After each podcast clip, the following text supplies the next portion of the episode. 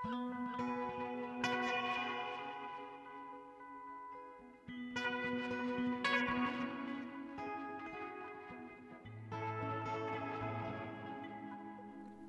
og ljósmyndir, hundar, haf og frumskóur, ljóðlistar myndband og sjónrýni.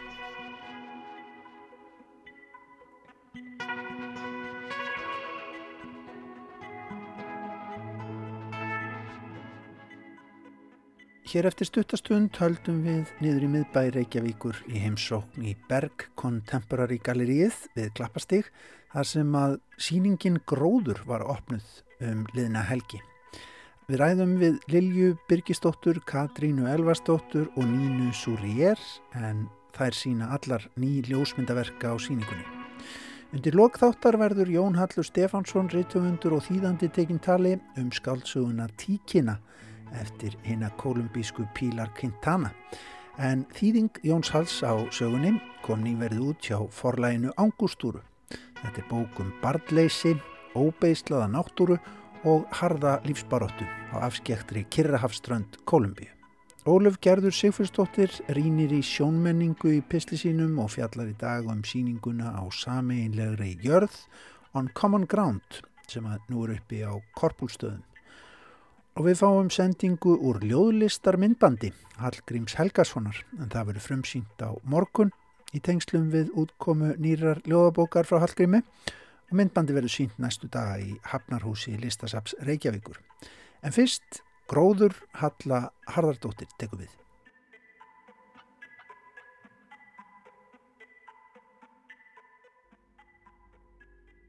Í Berg Contemporary við Klapparstíg opnaði ný síning um liðna helgi sem ber titilinn Gróður. Þar sína þrjárlistakonur ljósmyndaverk en þetta eru þær Katrín Elvarsdóttir, Nína Tsúriér og Lilja Birgisdóttir. Það fyrsta sem að tekur á móti gestum í Berg Contemporary eru ekki ljósmyndir heldur ilmur. Gefum Lilju Birgisdóttur orðið. Hérna síningin heitir Gróður og mér langaði alltaf að fanga hérna, þetta móment þegar maður kannski fer með fjölskeldinni út fyrir hérna, borgina og stýr út úr bílnum. Og fyrsta sem maður gerir er að ah, anda sér ilminum. Og hérna þetta eru sem sagt í kringum 30 mismunandi plöntur og blóm sem að ég hérna blanda saman. Og er að nota hérna sem sagt plöntur og blóm frá okkur öllum þreymur listakonum. Að því við sem sagt erum hérna alla þrjár að vinna með hérna gróður og okkur hver að sinn hátt. Þannig að þá tek ég hérna plöntur frá mér, frá Katrinu og Nínu og bý til svona hérna samælegan ilmheim. Hérna ég hef uh, haft mikið áhuga því að handmála ljósmyndir og öll verkin sem ég með síningunni eru unnin bara á, upp á gamla mótan. Þannig að þetta eru filmuljósmyndir og uh, sem að ég framkalla hérna í Myrka Herbyggi og fekk að vera einmitt hjá ljósmyndasafni Reykjavíkur. Og svo handmáli ég myndirnar eftir á. Og í, hér stöndu verið framann sex uh, plöntur, þetta er allt íslenska plöntur og ég kalli þetta svona skurkana í íslensku flórunni af því að þetta eru allt plöntur og blóm sem eru eitruð og fólk veit ekki endilega af því. Þannig eins og hérna til dæmis er ég með hérna rappa bara lauf og það er ekki allra vitorði að laufin eru eitruð af því þeim er oxalsýra sem gefur súrt bragð en það, eh, ef þú, hérna ef þau eru borðu getur valdið til dæmis nýrnaskemdum. Svo er þetta reysakvönnin sem er algjör hérna, skurkur að sagt, safin úr henni hérna, ef hún kemst á húðuna getur hún valdið alveg annarstegs brunna og, og blindu ef þetta kemst í augun. Og mér fannst bara litið svona áavert að vinna með því þegar maður hugsa um gróður þá sér maður eitthvað fallett og jákvægt en mér fannst eitthvað gaman að vinna með svona uh, hérna hvað sem er svona dökkur hliðin á náttúrinu líka. En það er nefnilega magnað að uh, einhverjum ásum ytruplöntum hefur verið unnið liv þannig að þetta er svona þetta eru algjörar hérna, töfra, töfra verur sko. Um, svo erum við komin hérna, hérna er þess að uh, fjórar svarkvítiljósmyndir sem ég vinn sömulegis í myrkjarbygginu og þetta var mjög einfælt hugmynd, Já, þetta var bara svona formpælingar, hvað náttúrulega getur verið hérna ótrúleg og allir sem hafa komið inn og sé myndina halda allir þetta sé výrar eða gattavýri eða eitthvað því að, því að hérna, við erum bara með uh, gráa plöntuna sem er að snúast upp á sjálfur sig og fara í alls konar stellingar Nína Tsúriér vinnur í sínum ljósmyndaverkum hér í Berg Contemporary með gróður, líkt og Lilja. Nína ver tíma sínum á milli Kaliforníu og Íslands og verkin hennar hér fjalla á einhvern hátt um þá staðarind. Uh, þessar tvær ljósmyndaserjur eru kallaðar gerfi landslag og gerfi ljómi. Gerfi landslag var smíðað í vinnustofinni minni í Kaliforníu í síðasti ár. Ég vildi vera á Íslandi og því skapaði ég Íslands bakgrunn fyrir Kaliforníu blómum. Blómin eru ekki gerfileg en þau eru í gerfi umhverfi. Ég var ekki að hugsa um þetta meðan ég var að taka ljósmyndarnir þó ég veldi fyrir mér náttúrunni skilur. Ég var bara að leika mér með blómin. Var að reyna að skapa eitthvað meira en bara fallega mynd, skilur. Þessi serið er kallaður Gerfi Ljóma og í Ljóma í þessari ljósmyndu er malaður með nalalaki sem er ótrúlega gerfilegt, er það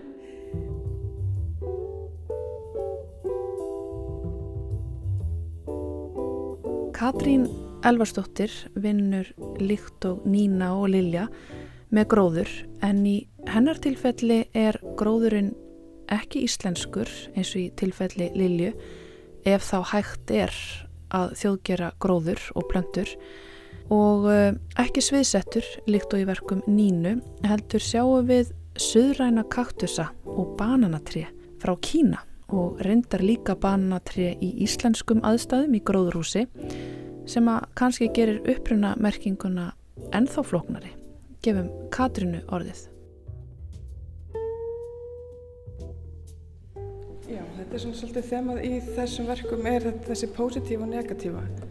Ég með sérst sögum plönturnar í bæði sem pósitífar og negatívar eins og hérna stendur fyrir framann kaktus sem er sérst var tekið á litfilmu og ég breyti honum síðan í lit negatífu.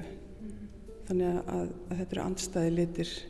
Þannig að það sem er svona ljós fjólublátt var grænt og heiminin verður svona eins og út í appsinu gullt og svo maður sjá sama kaktusinn hérna fyrir innan og þá er hann eins og litinni voru eins og við, sá, við sjáum þetta. Hann er hérna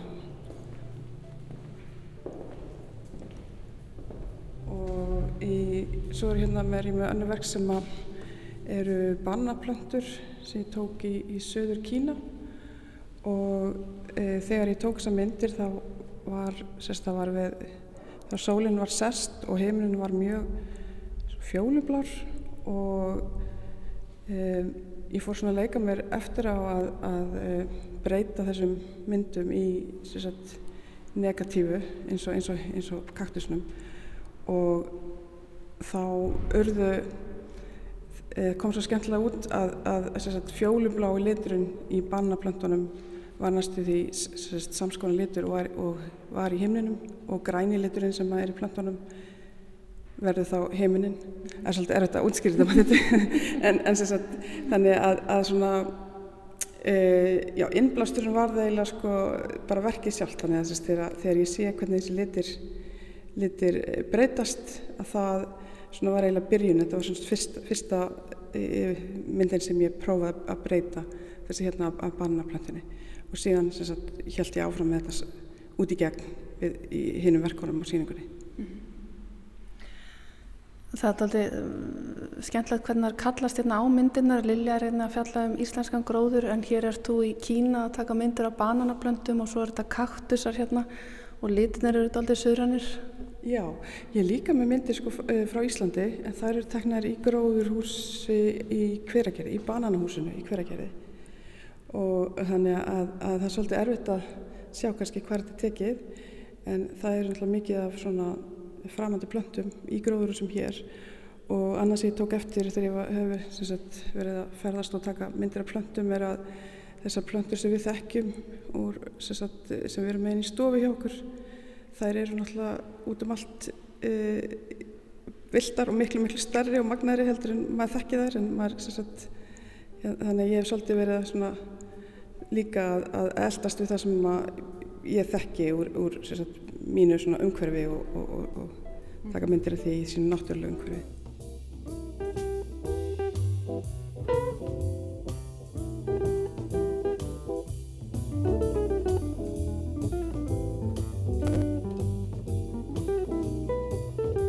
Það er uh, sannilega engin tilviljun að ykkur er stilt hérna öllum þreymur saman. Þið eru allar að fjalla um gró, gróður í einhverju mynd. Uh, hvernig kom það til að þið voru settar hér saman? Já, Sýningarstjórn Ingi Björg Jónsdóttir hafði samband við okkur eða hvort hún var kannski talað við Nínu fyrst og það ekki Nína fyrir... Ég hefði bara, bara Lilja. ég veit Við veitum ekki hvað það er. Þið voru semst allar í síkvara hotninu að hugsa um gróður og svo hittist þið hér saman. Það passar, það passar. Eða semst Ingibjörg hérna, vissi að því að, að allavega vissi hún að, að þið séu síningum hjá okkur mm. gróður og, og, og spurði okkur hvað, hvort við værim að vinna með það áfram og, og síðan funduðu við og hittumst og hefum svona verið að þróa þetta í svona cirka ár. Uh, ég veit ekki hvort það er tilviljun en uh, upp á síkasti finnst mér ég hafa verið að uh, sjá mikið af gróður pælingum það var sviðslistaháttíð fyrir ekki svo lengu hér í Reykjavík sem að fjallaði að mestuleiti um gróður og samband okkar við gróður.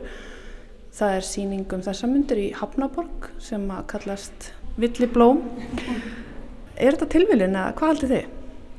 Nei, ég held sér alls ekki tilvíli. Þetta er akkurat bara það sem allir eru að hugsa um núna. Það er bara breytingar í landslægi okkar og hér náttúrunni og hérna uh, kannski bara uh, má líka lýsa þannig að veist, þetta er það sem fólk er líka að hafa ágjörf og núna undarfarið bróðum minn býr í LA og það eru sko rosalega gróðureldar og hérna uh, og það er svona, já, svona eldtornados og maður er bara eitthvað, vá, er, hvað er að gerast? Er bara heiminn að farast? Svo að sé farsótt og, og hérna þannig að við þurfum að hérna, hugsa rosalega vel um náttúrunni kringum okkur og, og fara aðeins að hérna, hugað breytingum. Og kannski eru við líka að sækja okkur afdrepp í náttúruna á þessum tímum eða hvað? Við höfum ekki bjart útsinning núna Nei, ekki bjart útsýni. Nei, við hefum ekki bjart útsýni, nei. Nei. Mm -hmm. Það er svo sannlega rétt hjá þér. Þess vegna kannski er fólk að leita í náttúruna og, og plöntur. Bæðið hefur aukist að fólk er með plöntur í kringu sig á vinnustöðum og heima og að fara út í náttúruna líka. Er kannski líka, er við að reyna að tengjast en á nýjan hátt? Getur verið að við séum að reyna að tala við hana? Er við... Um, eigum við flóknar samband við plöntur heldur en við kannski heldum. Já, kannski bara kynast þeim upp á nýtt ef að fólki kannski komið svolítið langt frá um náttúrunni og, og svona, já, fólk sérstaklega núna hefum tíma til að hugsa um þessu hluti mm -hmm. og, og mm -hmm. þar áður náttúrulega var, var sagt, mikið verið að ræða um lofslagsmál og þannig að fólk var svona byrjað mm -hmm. að hugsa um þetta. Og maður finnir líka að þú veist þegar eins og núna er fólk óttastlegið og og þá sækir það held ég mikið stuðning í náttúruna það er rosa gott að fólk er mikið verið gungutúra og bara vera einn í náttúrunni að því þar er maður örugur og finnur fyrir hjartengingu þannig held sér líka einmitt hérna uh, bara svona vakning í gangi hvað hérna náttúrunni mikilvæg og mikilvæg okkur mönnunum mm -hmm. Þú verðist alltaf að vera að sækja eitthvað stuðningi náttúruna nýna með myndunum þínum með þessari heimþrá til Íslands. Já, eh, ég, ég myndi uh, mikið í landslag en bara í svart og hvít og hvernig ég flytti til Kaliforníu uh, ég hugsa alltaf á Ísland og ég, ég búið til uh, landslag Íslands fyrir mig.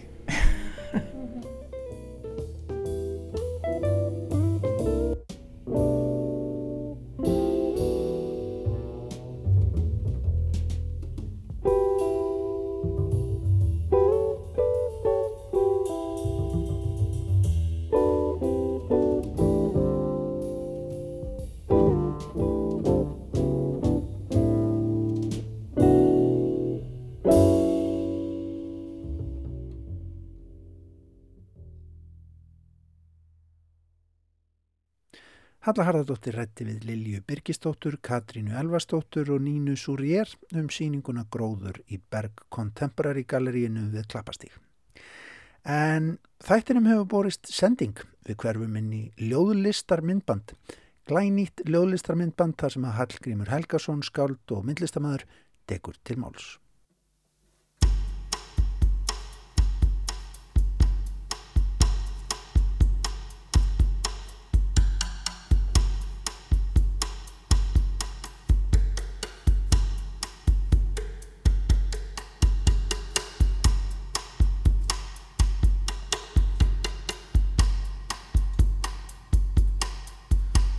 Er komin hingað beint frá Bratislava til að taka frá okkur pöntun um pítsu og stóran bjór.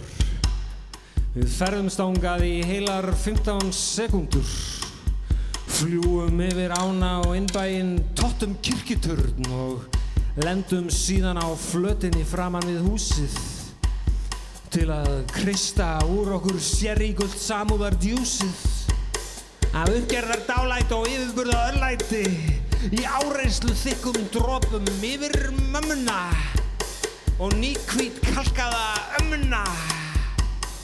Takk Takk fyrir að ala okkur svo fallegan þjón. Við sjóðum úr henni góðan gena velling og skilum henni um leið og hún verður kettling Æjá, fokk hvað erum frjáls og takk mikið til undir títubrón síl. Hugsum við á ítölskum staði í Orrús, á kynverskum staði í Dundee, á indverskum staði í ennskum stað og leggjumst svo og liggjum svo allt hengd undir sænginni. Förum með fyrsta heims versið Drottin leif oss að lifa lífinu góða í skjóli frá skada kröfum skrýðandi þjóða.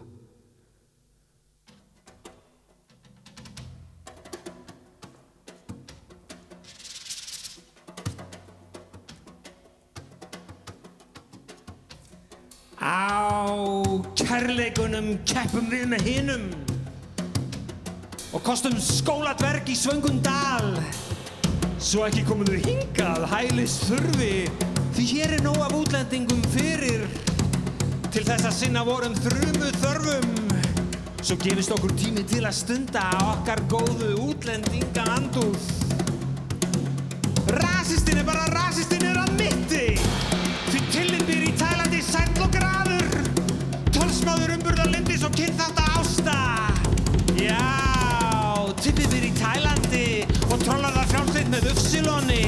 eða skrollar það sottart með sjóttrú á mennskuna.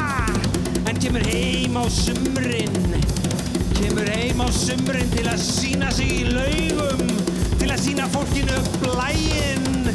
Botlangar rifin og bakþröngar nýðingsblæinn brundaðum frá maður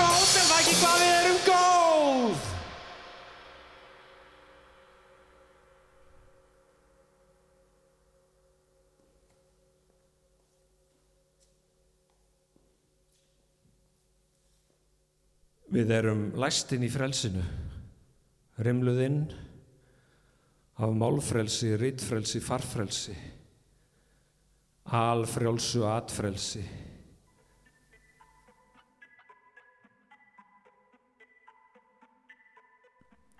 Þannig heyrðum við brot úr glæníu ljóðlistar myndbandi Hallgríms Helgasonar sem frumsýnt verður annað kvöld og sínt næstu daga í fjölnótasalunum í Hafnarhúsi Listasaps Reykjavíkur. Myndbandið heitir við skjótum títuprjónum og er gert í tengslum við útkominýrar ljóðabókar Hallgríms sem er að koma út. Trommarið þarna var Þorvaldur Þór Þorvaldsson en leikstjóri er fjölistamæðurinn Krassa sig Kristinn Arnar Sigursson. Útgáfahóf verður í safninu á morgun frá 17.30 en mér sýnist á Facebook síðu sapsins að fólk þurfi að skrá sig inn í hollum og þá þarf bara að ganga í það mál. En að öðrum viðburði, Hóper Fólsmun í kvöld njóta útgáfi tónleika Gíðu Valtísdóttur í hörpu en Gíða var að senda frá sér plötuna Epicycle 2. Það kvöður vera uppselta á tónleikana í kvöld en á nýju plötunni er tónlist úr ímsumáttum til dæmis eftir Jónsa í Sigurós, fyrirvændi samverkamann hans Kjartan Sveinsson, Ulf Hansson, Daniel Bjarnason, Ólöfu Arnalds og önnu Þorvaldsdóttur svo einhverju sem við nefndir. Við skulum heyra síðasta verkið á plötunni, það heitir Októ og er eftir Maríu Huld Markan Sigfúsdóttur.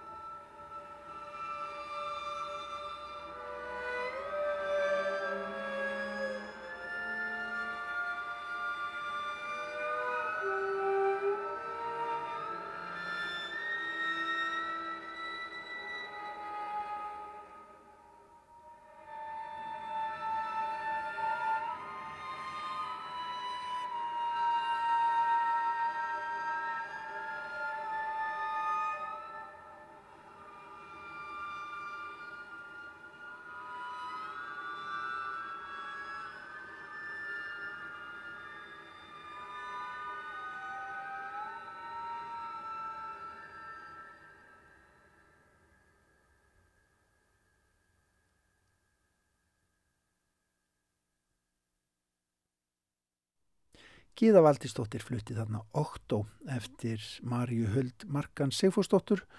Tölvert færri komast að á útgáfutónleikum Gíðu og Fjela í Norðurljósum í Hörpu í kvöld en hægt er að njóta nýju plötunar Epicycle 2 á streymisveitum og hún er auðvitað til í plötuveslunum líka, fallegur greipur þar á ferðinni.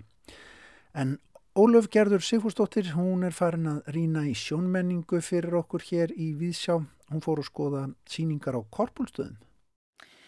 Á hlöðuloftinu á korpúlstöðum, síningarsal sambands íslenskra myndlistamanna, stendur nú yfir síningin á sameileri jörð eða On Common Ground á ennsku. Þetta er samsýning 13 myndlistamanna frá Íslandi, Litáen og Pólandi sem ímist eru innflættir eða aðfluttir sem er hverjir af annari kynnslóð innflytjenda. Það er Akademíja Skinjunarinnar sem stendur fyrir síningunni í verkefni stjórn Önnu Eyjóls og Ragnhildar Stefansdóttur.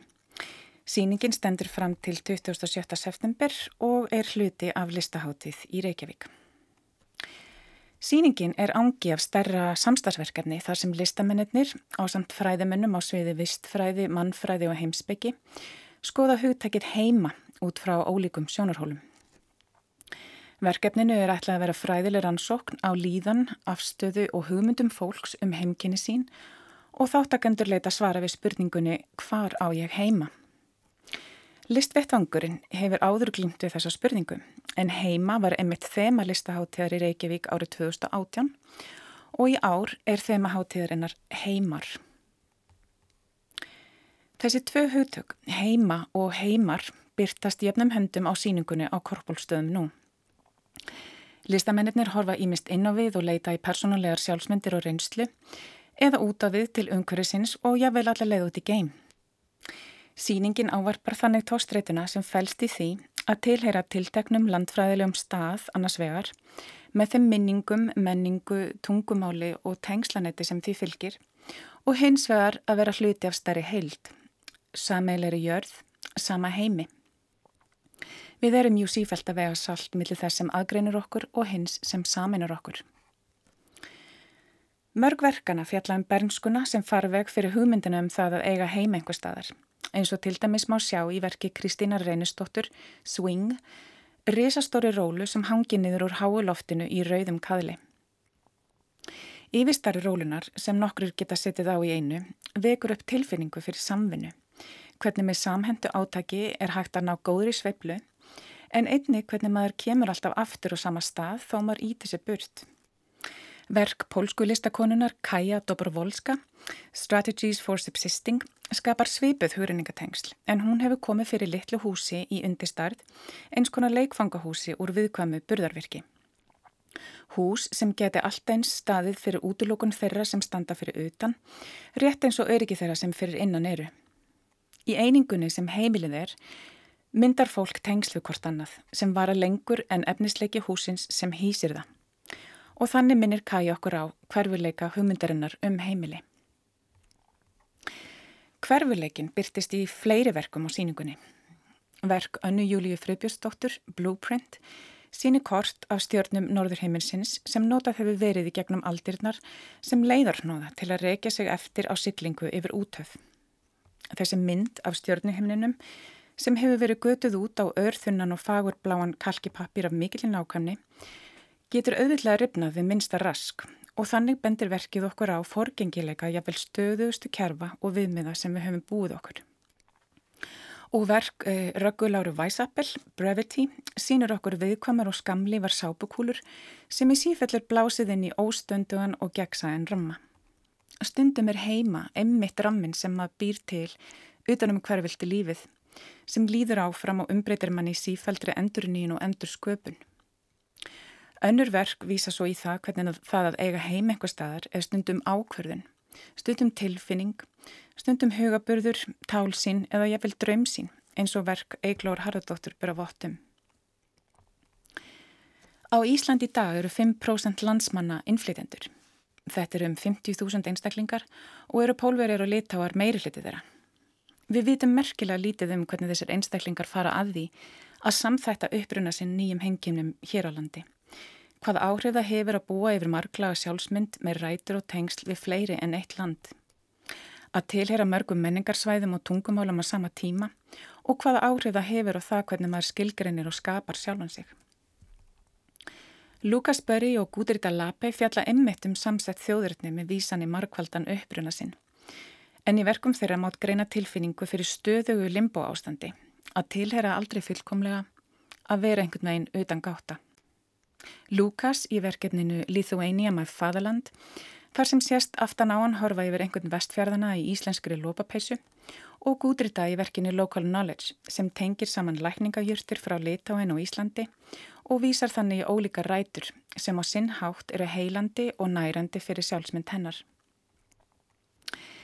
Í verki Severin Kuala, The Icelandic Dream, sjáum við listamannin klættan í fristjóskala, haldandi að málingaspjaldi og penslum.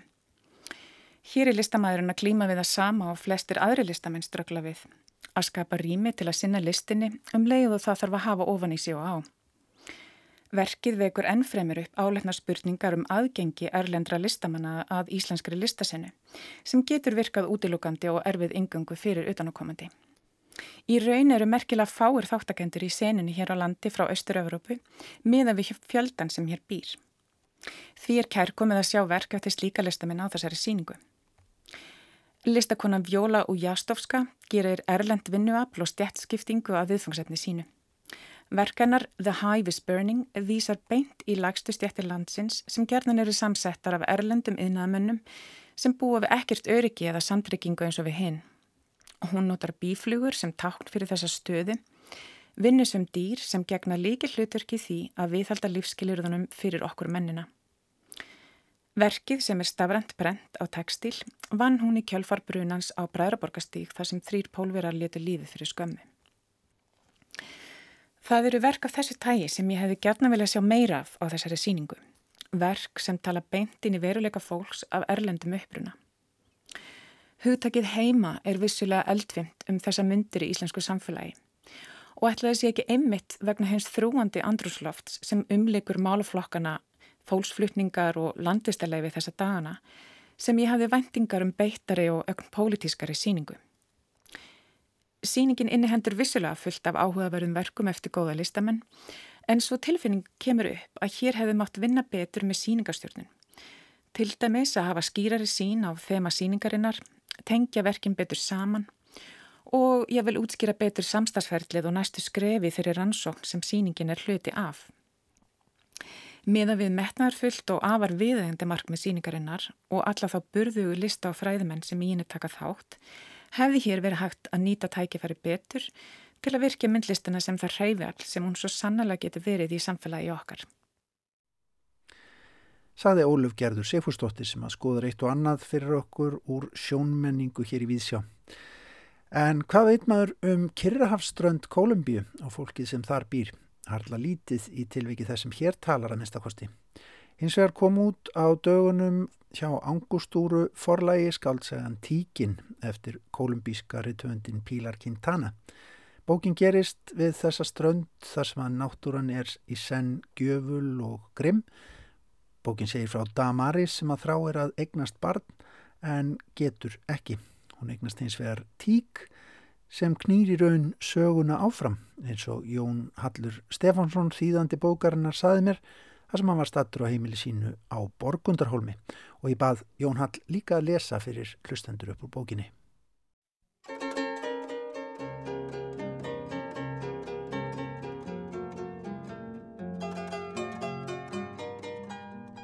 Ég fann hann aðna í morgun með lapirnar bí loftið, saði Donja Lóðia og bent á stað og ströndin þar sem sapnust hafið saman drast sem sjórin hafið bórið með sér að grafið upp rekaviður, plastbókar, flaskur. Eitur, held ég. Hvað gerði þið hann að gróða hana? Lóði að kingaði kolli. Badnaböndin. Upp í kirkjugarði? Nei, bara hér á ströndinni. Upp á síðkastið höfðu margir hundar úr þorpinu drepist á eitri. Sumur töldu að væri eitra fyrir þeim á ásöttu ráði en það maður trúðu ekki að neitt væri færum slíkt. Hún held frekar að hundarnir slísust til að geta róttu eitur eða róttur vangar af eitrir sem veru auðveld bráð fyrir hundana. Leitt að heyra, sagði Damaris. Doni Elóði að kingaði bara kolli. Tíkin hafði lengi verið í eiganar Hún var svört á litin og lávennilega við hliðin á kronni eða eldi eigandi þinnum allar trissur til kirsku heim til tengdadótturinnar í búðina nýru höfn. Donja Lóðja hlaut að vera mjög rygg en leti ekki á því bera. Hún laði frá sig kvolp sem hún hafi gefið að drekka með spröytu sem hún fyllt úr mjölkupotla og greip annan. Kvolparnir voru tíu talsins og svo ungir að þau voru ennþá blindir. Þeir eru sex daga gamli, sagði Dóni í loði, þeir lefið ekki af. Akkur reynir ekki að gefa þá, spurta Maris. Ég hef búin að losna við einn, en það vill enginn taka við svona ungum kvolpum. Það sem ekki var há annatíma á kranni voru hvorki borð út inn í tónlist, nýja túristar, nýja neitt, bara mannlust svæðið sem verði skrýða stórt núna þar sem Donja í loði að sata bekk með kvolpana tíu í papakassa. Damaris skoði það með aðtikli og valdi einn. Má ég fá þennan, sagði hún. Donni Elóðia lagði kvolpin sem hún var að gefa mjölk aftur henni í kassan, greip þann sem Demaris hefði bent á, gráan kvolp með lavandi eiru og skoðaði hana aftan.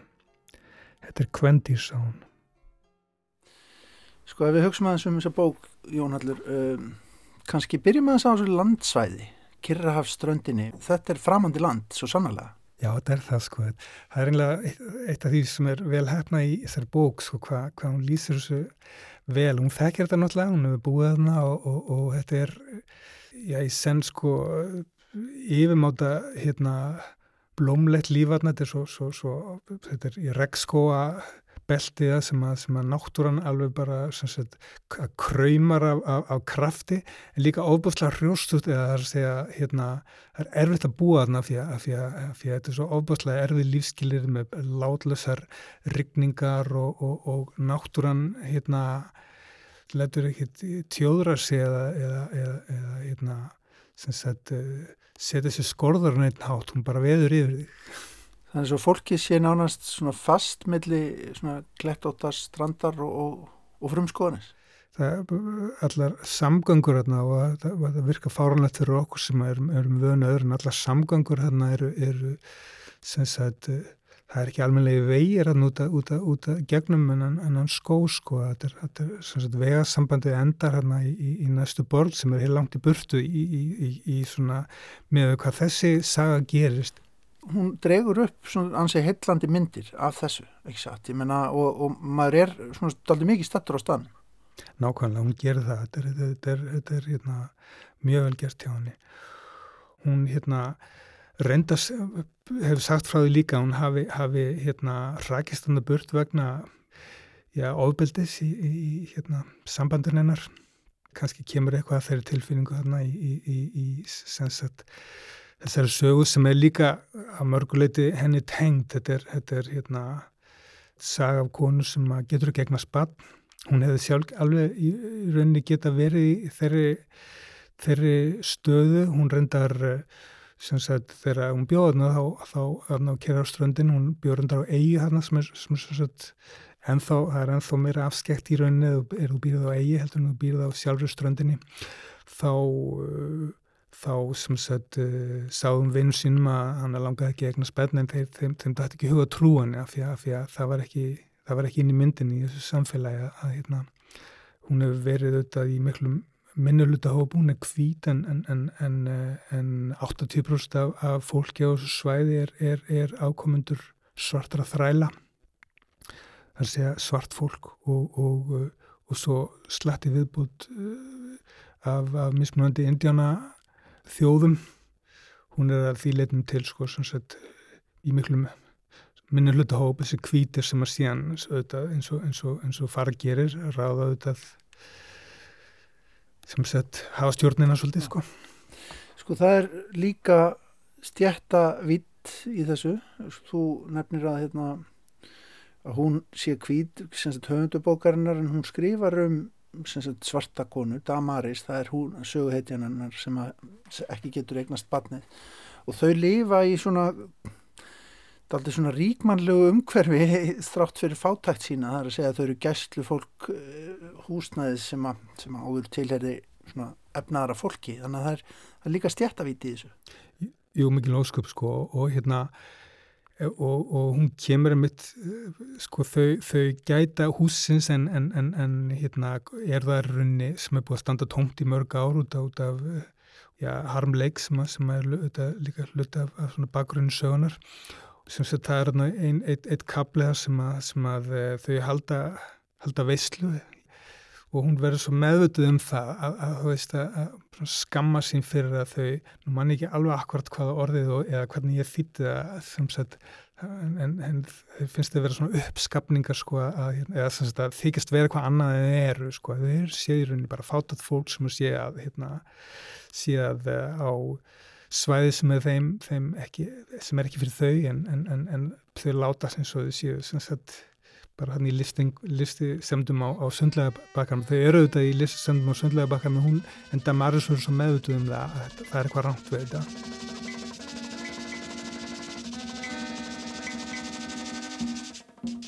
Lús Míla kom með alla fjölskylduna. Eigimannin, dæturnar, tengdasónin barnabötnin og með þess að gilmi frængu sem borum var upp dröpunar í gullstól og látið setja einum á stóru sólstólunum á svölum stóra húsins Þau helduðu kjúklingakassa og viðaraldavillinni í húti eldusinu, fylgtu sundlegin af vatni og böðuðu sig. Engin sagði við erum aldrei stjörf, en Damaris fannst að allir hlita að vera hugsaða og þótt hún hlæjaði bröndurunum og lékiði litlu stelpunar, leiðin ekki sem best. Hún var miður síni við tilhúsunum hvað fólk myndi hugsaða að sæði til það þessari stundu búin að reyður um sig í húsegn reyja sjónana Gilma frænka blakaði blævænga svo drottning í stóra sólstólum á svölunum. Rogelio flatmaði á öðrum sólstól á sundlegabakkanum. Lús Míla og eigimadrennar sátt á barminnum og drukkur brenniðinslösku. Stelpurna stungu sér kollnís í vatninu og Damaris sem var nýkomin upp úr lauginu með sin reysastóra rass, klætt stuttu tegibúsunum og upplitaði hlýðabornum sem hún notaði sem baðfött eða vinnufött, skildi eftir sér slóða vatna og mulningi gangstísins. Damaris sagði sjálf hans að enginn geti vilst á þeim og eigundunum. Þeir voru hópar af fátæku íllaklætu svörtu fólki að nota eigur ríka fólksins. Þeir voru að þykjast fítnuðin voru, það myndi fólk halda og Damaris vildi óskan væri döið af því henni fannst það að þykjast vera fítnuðin maður var álíka hræðilegt og óviðandi og blóðskom eða glæpur hún á sér bakgrunn sko, hún, þetta hlut er, eh, hús er hlut af hennar æsku því að æsku vinurinnar, kvítur strákur var, var, var svona, þetta er, þetta er hans heimili sem hún, sem hún hérna, hefur tekið að sér að gæta. Og kannski hlut af, af svona sagleysi badneskunar er að átta sig ekkit á, á því að sé, þetta sé eitthvað skrítið að hún svart, svarta stelpan sé þarna í, auðfúsu gestur en, en, en hérna hún er búin að, er búin að skilja það núna að svo er ekki. Mm -hmm. Við erum búin að tala okkur kannski tálitið í kringum stóra personu í þessari bók það er þess að tíkina sjálfa. Hundin sem að Damaris eignast og, og hérna já, verður eins konar sálufélaginar til, til að byrja með að minnstakosti uh, í sögunni. Þetta er óvinni svona sterk lýsing á, á háttalagi hunds Já, hún er hansi, hansi, hansi sterk persóna sko. Og náttúrulega mikill svona tákrætt þungi sem hún ber sko fyrir fyrir að uh, þetta er sagum ballis en, en, en, en hérna höfndurum Pílarkind hann hefur nú nefnt, nefnt uh, leikrið Lorca í ermu sko sem, sem áhrifavald. En hún, hún fær sér hann hundirun sem staðgengil barsins og, og hérna síðan uh, er náttúrulega hundurinn já, hundur er ekki barn og hún, hún, hún, hérna, hún er hluta af þessari, þessari, þessari náttúru sem, a, sem að lætur ekki tjóðra sig og, og, og, og tíkin hún uh, það verður svona þessi, þessi, þetta, þessi spennuvaldurinn í, í, í sögunu það sem að knýra hann áfram er, er að hún Þetta er staðgengil basen en í rauninni bara hluta á náttúrinu og hafa sér sem, sem slík á allt annan hátt. Sko, hvað getur þú sagt okkur um þessa, þennan höfund, Pílar Quintana uh, og, og hennar verk? Þetta er ung kona, fætt í Kali, Gleipaborgin Miklu og, og uh, sagt, uh, langaði að vera ritthöndur en, en, en já, hún er sem sagt látið að því líka að hún hafi verið, verið undir þrýstingi að gera eitthvað annað þannig að hún fór að flakk um heiminn í svona heipa tilver einhverju sko en, en, en kom svo tilbaka og, og, og, og byrjaði að skrifa. Hún er náttúrulega mjög raunsar höfundur, hún er mjög langt því að vera að vera undir áhrifum frá þessum törraraunsæð sem þekkjum svo vel. Þetta er þriða skálsagan hennar, hinnar skálsugna tvær eru, eru, eru hérna, meira í þessu nútímalegra umhverju sem hún alst upp við, ég held ekki, hún gerist í Kali allavega önnur þeirra og uh, síðan uh, eignast um batn og þá, þá er þessi saga sem hefur blundað íni lengi þá, þá er hún tilbúin að skrifa hana og, og, og, og skrifa hana bara á síman sinn með þess að hún gefur brjóst í, í hérna og heldur hún sé að skrifa á smásög en, en, en síðan rýfur hún af sér það, það, þau höft og vil vera skálsa Sko stílinn í þessu er, þetta er gegnsært og svona mál og hún, hún er raunsæði sögundur eins og hún nefnir. Var þetta átakalögst verk fyrir þig? Já, já, ég veit ekki alveg hvað ég á að svara. Ég menn það er, hún er, hún er, uh, það er mjög mikið af, af, af orðum sem ég þekkt ekki, sem eru svona, sem sagt, uh, úr, úr tungu sértak fyrir náttúruna sko og, og, og það er mörg, sem sagt, maður þurfti að ansa, ansað um, ég bara finna einhverja lausnir á því hvað hva, hva, hva þessi hlutir heita og, og, að því leitum til var hún óvinnleg sko af því að, af því að, hérna, af því að þetta, er, þetta lýsir náttúrulega veruleika sem, er, sem er, er mér algjörlega framandi. Já það var, það var mjög gaman því það sko, ég, hún, hérna, það kom bara skreið á mann sko eins og, eins og gerir þegar maður, þegar maður nær sambandi við, við texta Hún sopnaði á stundinni en svefnin færðin enga kvíld.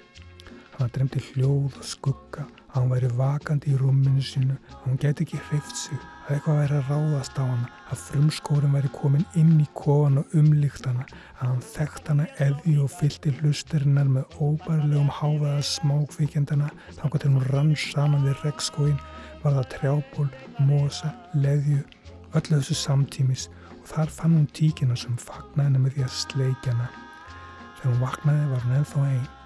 Úti geysaði ríkalið þrjumuskúr, vindkvöðunar hömrað á þakskifunum og þrjumurnar skóku grundina. Vatni sapnaðist að rifunum og lag inn í kofan.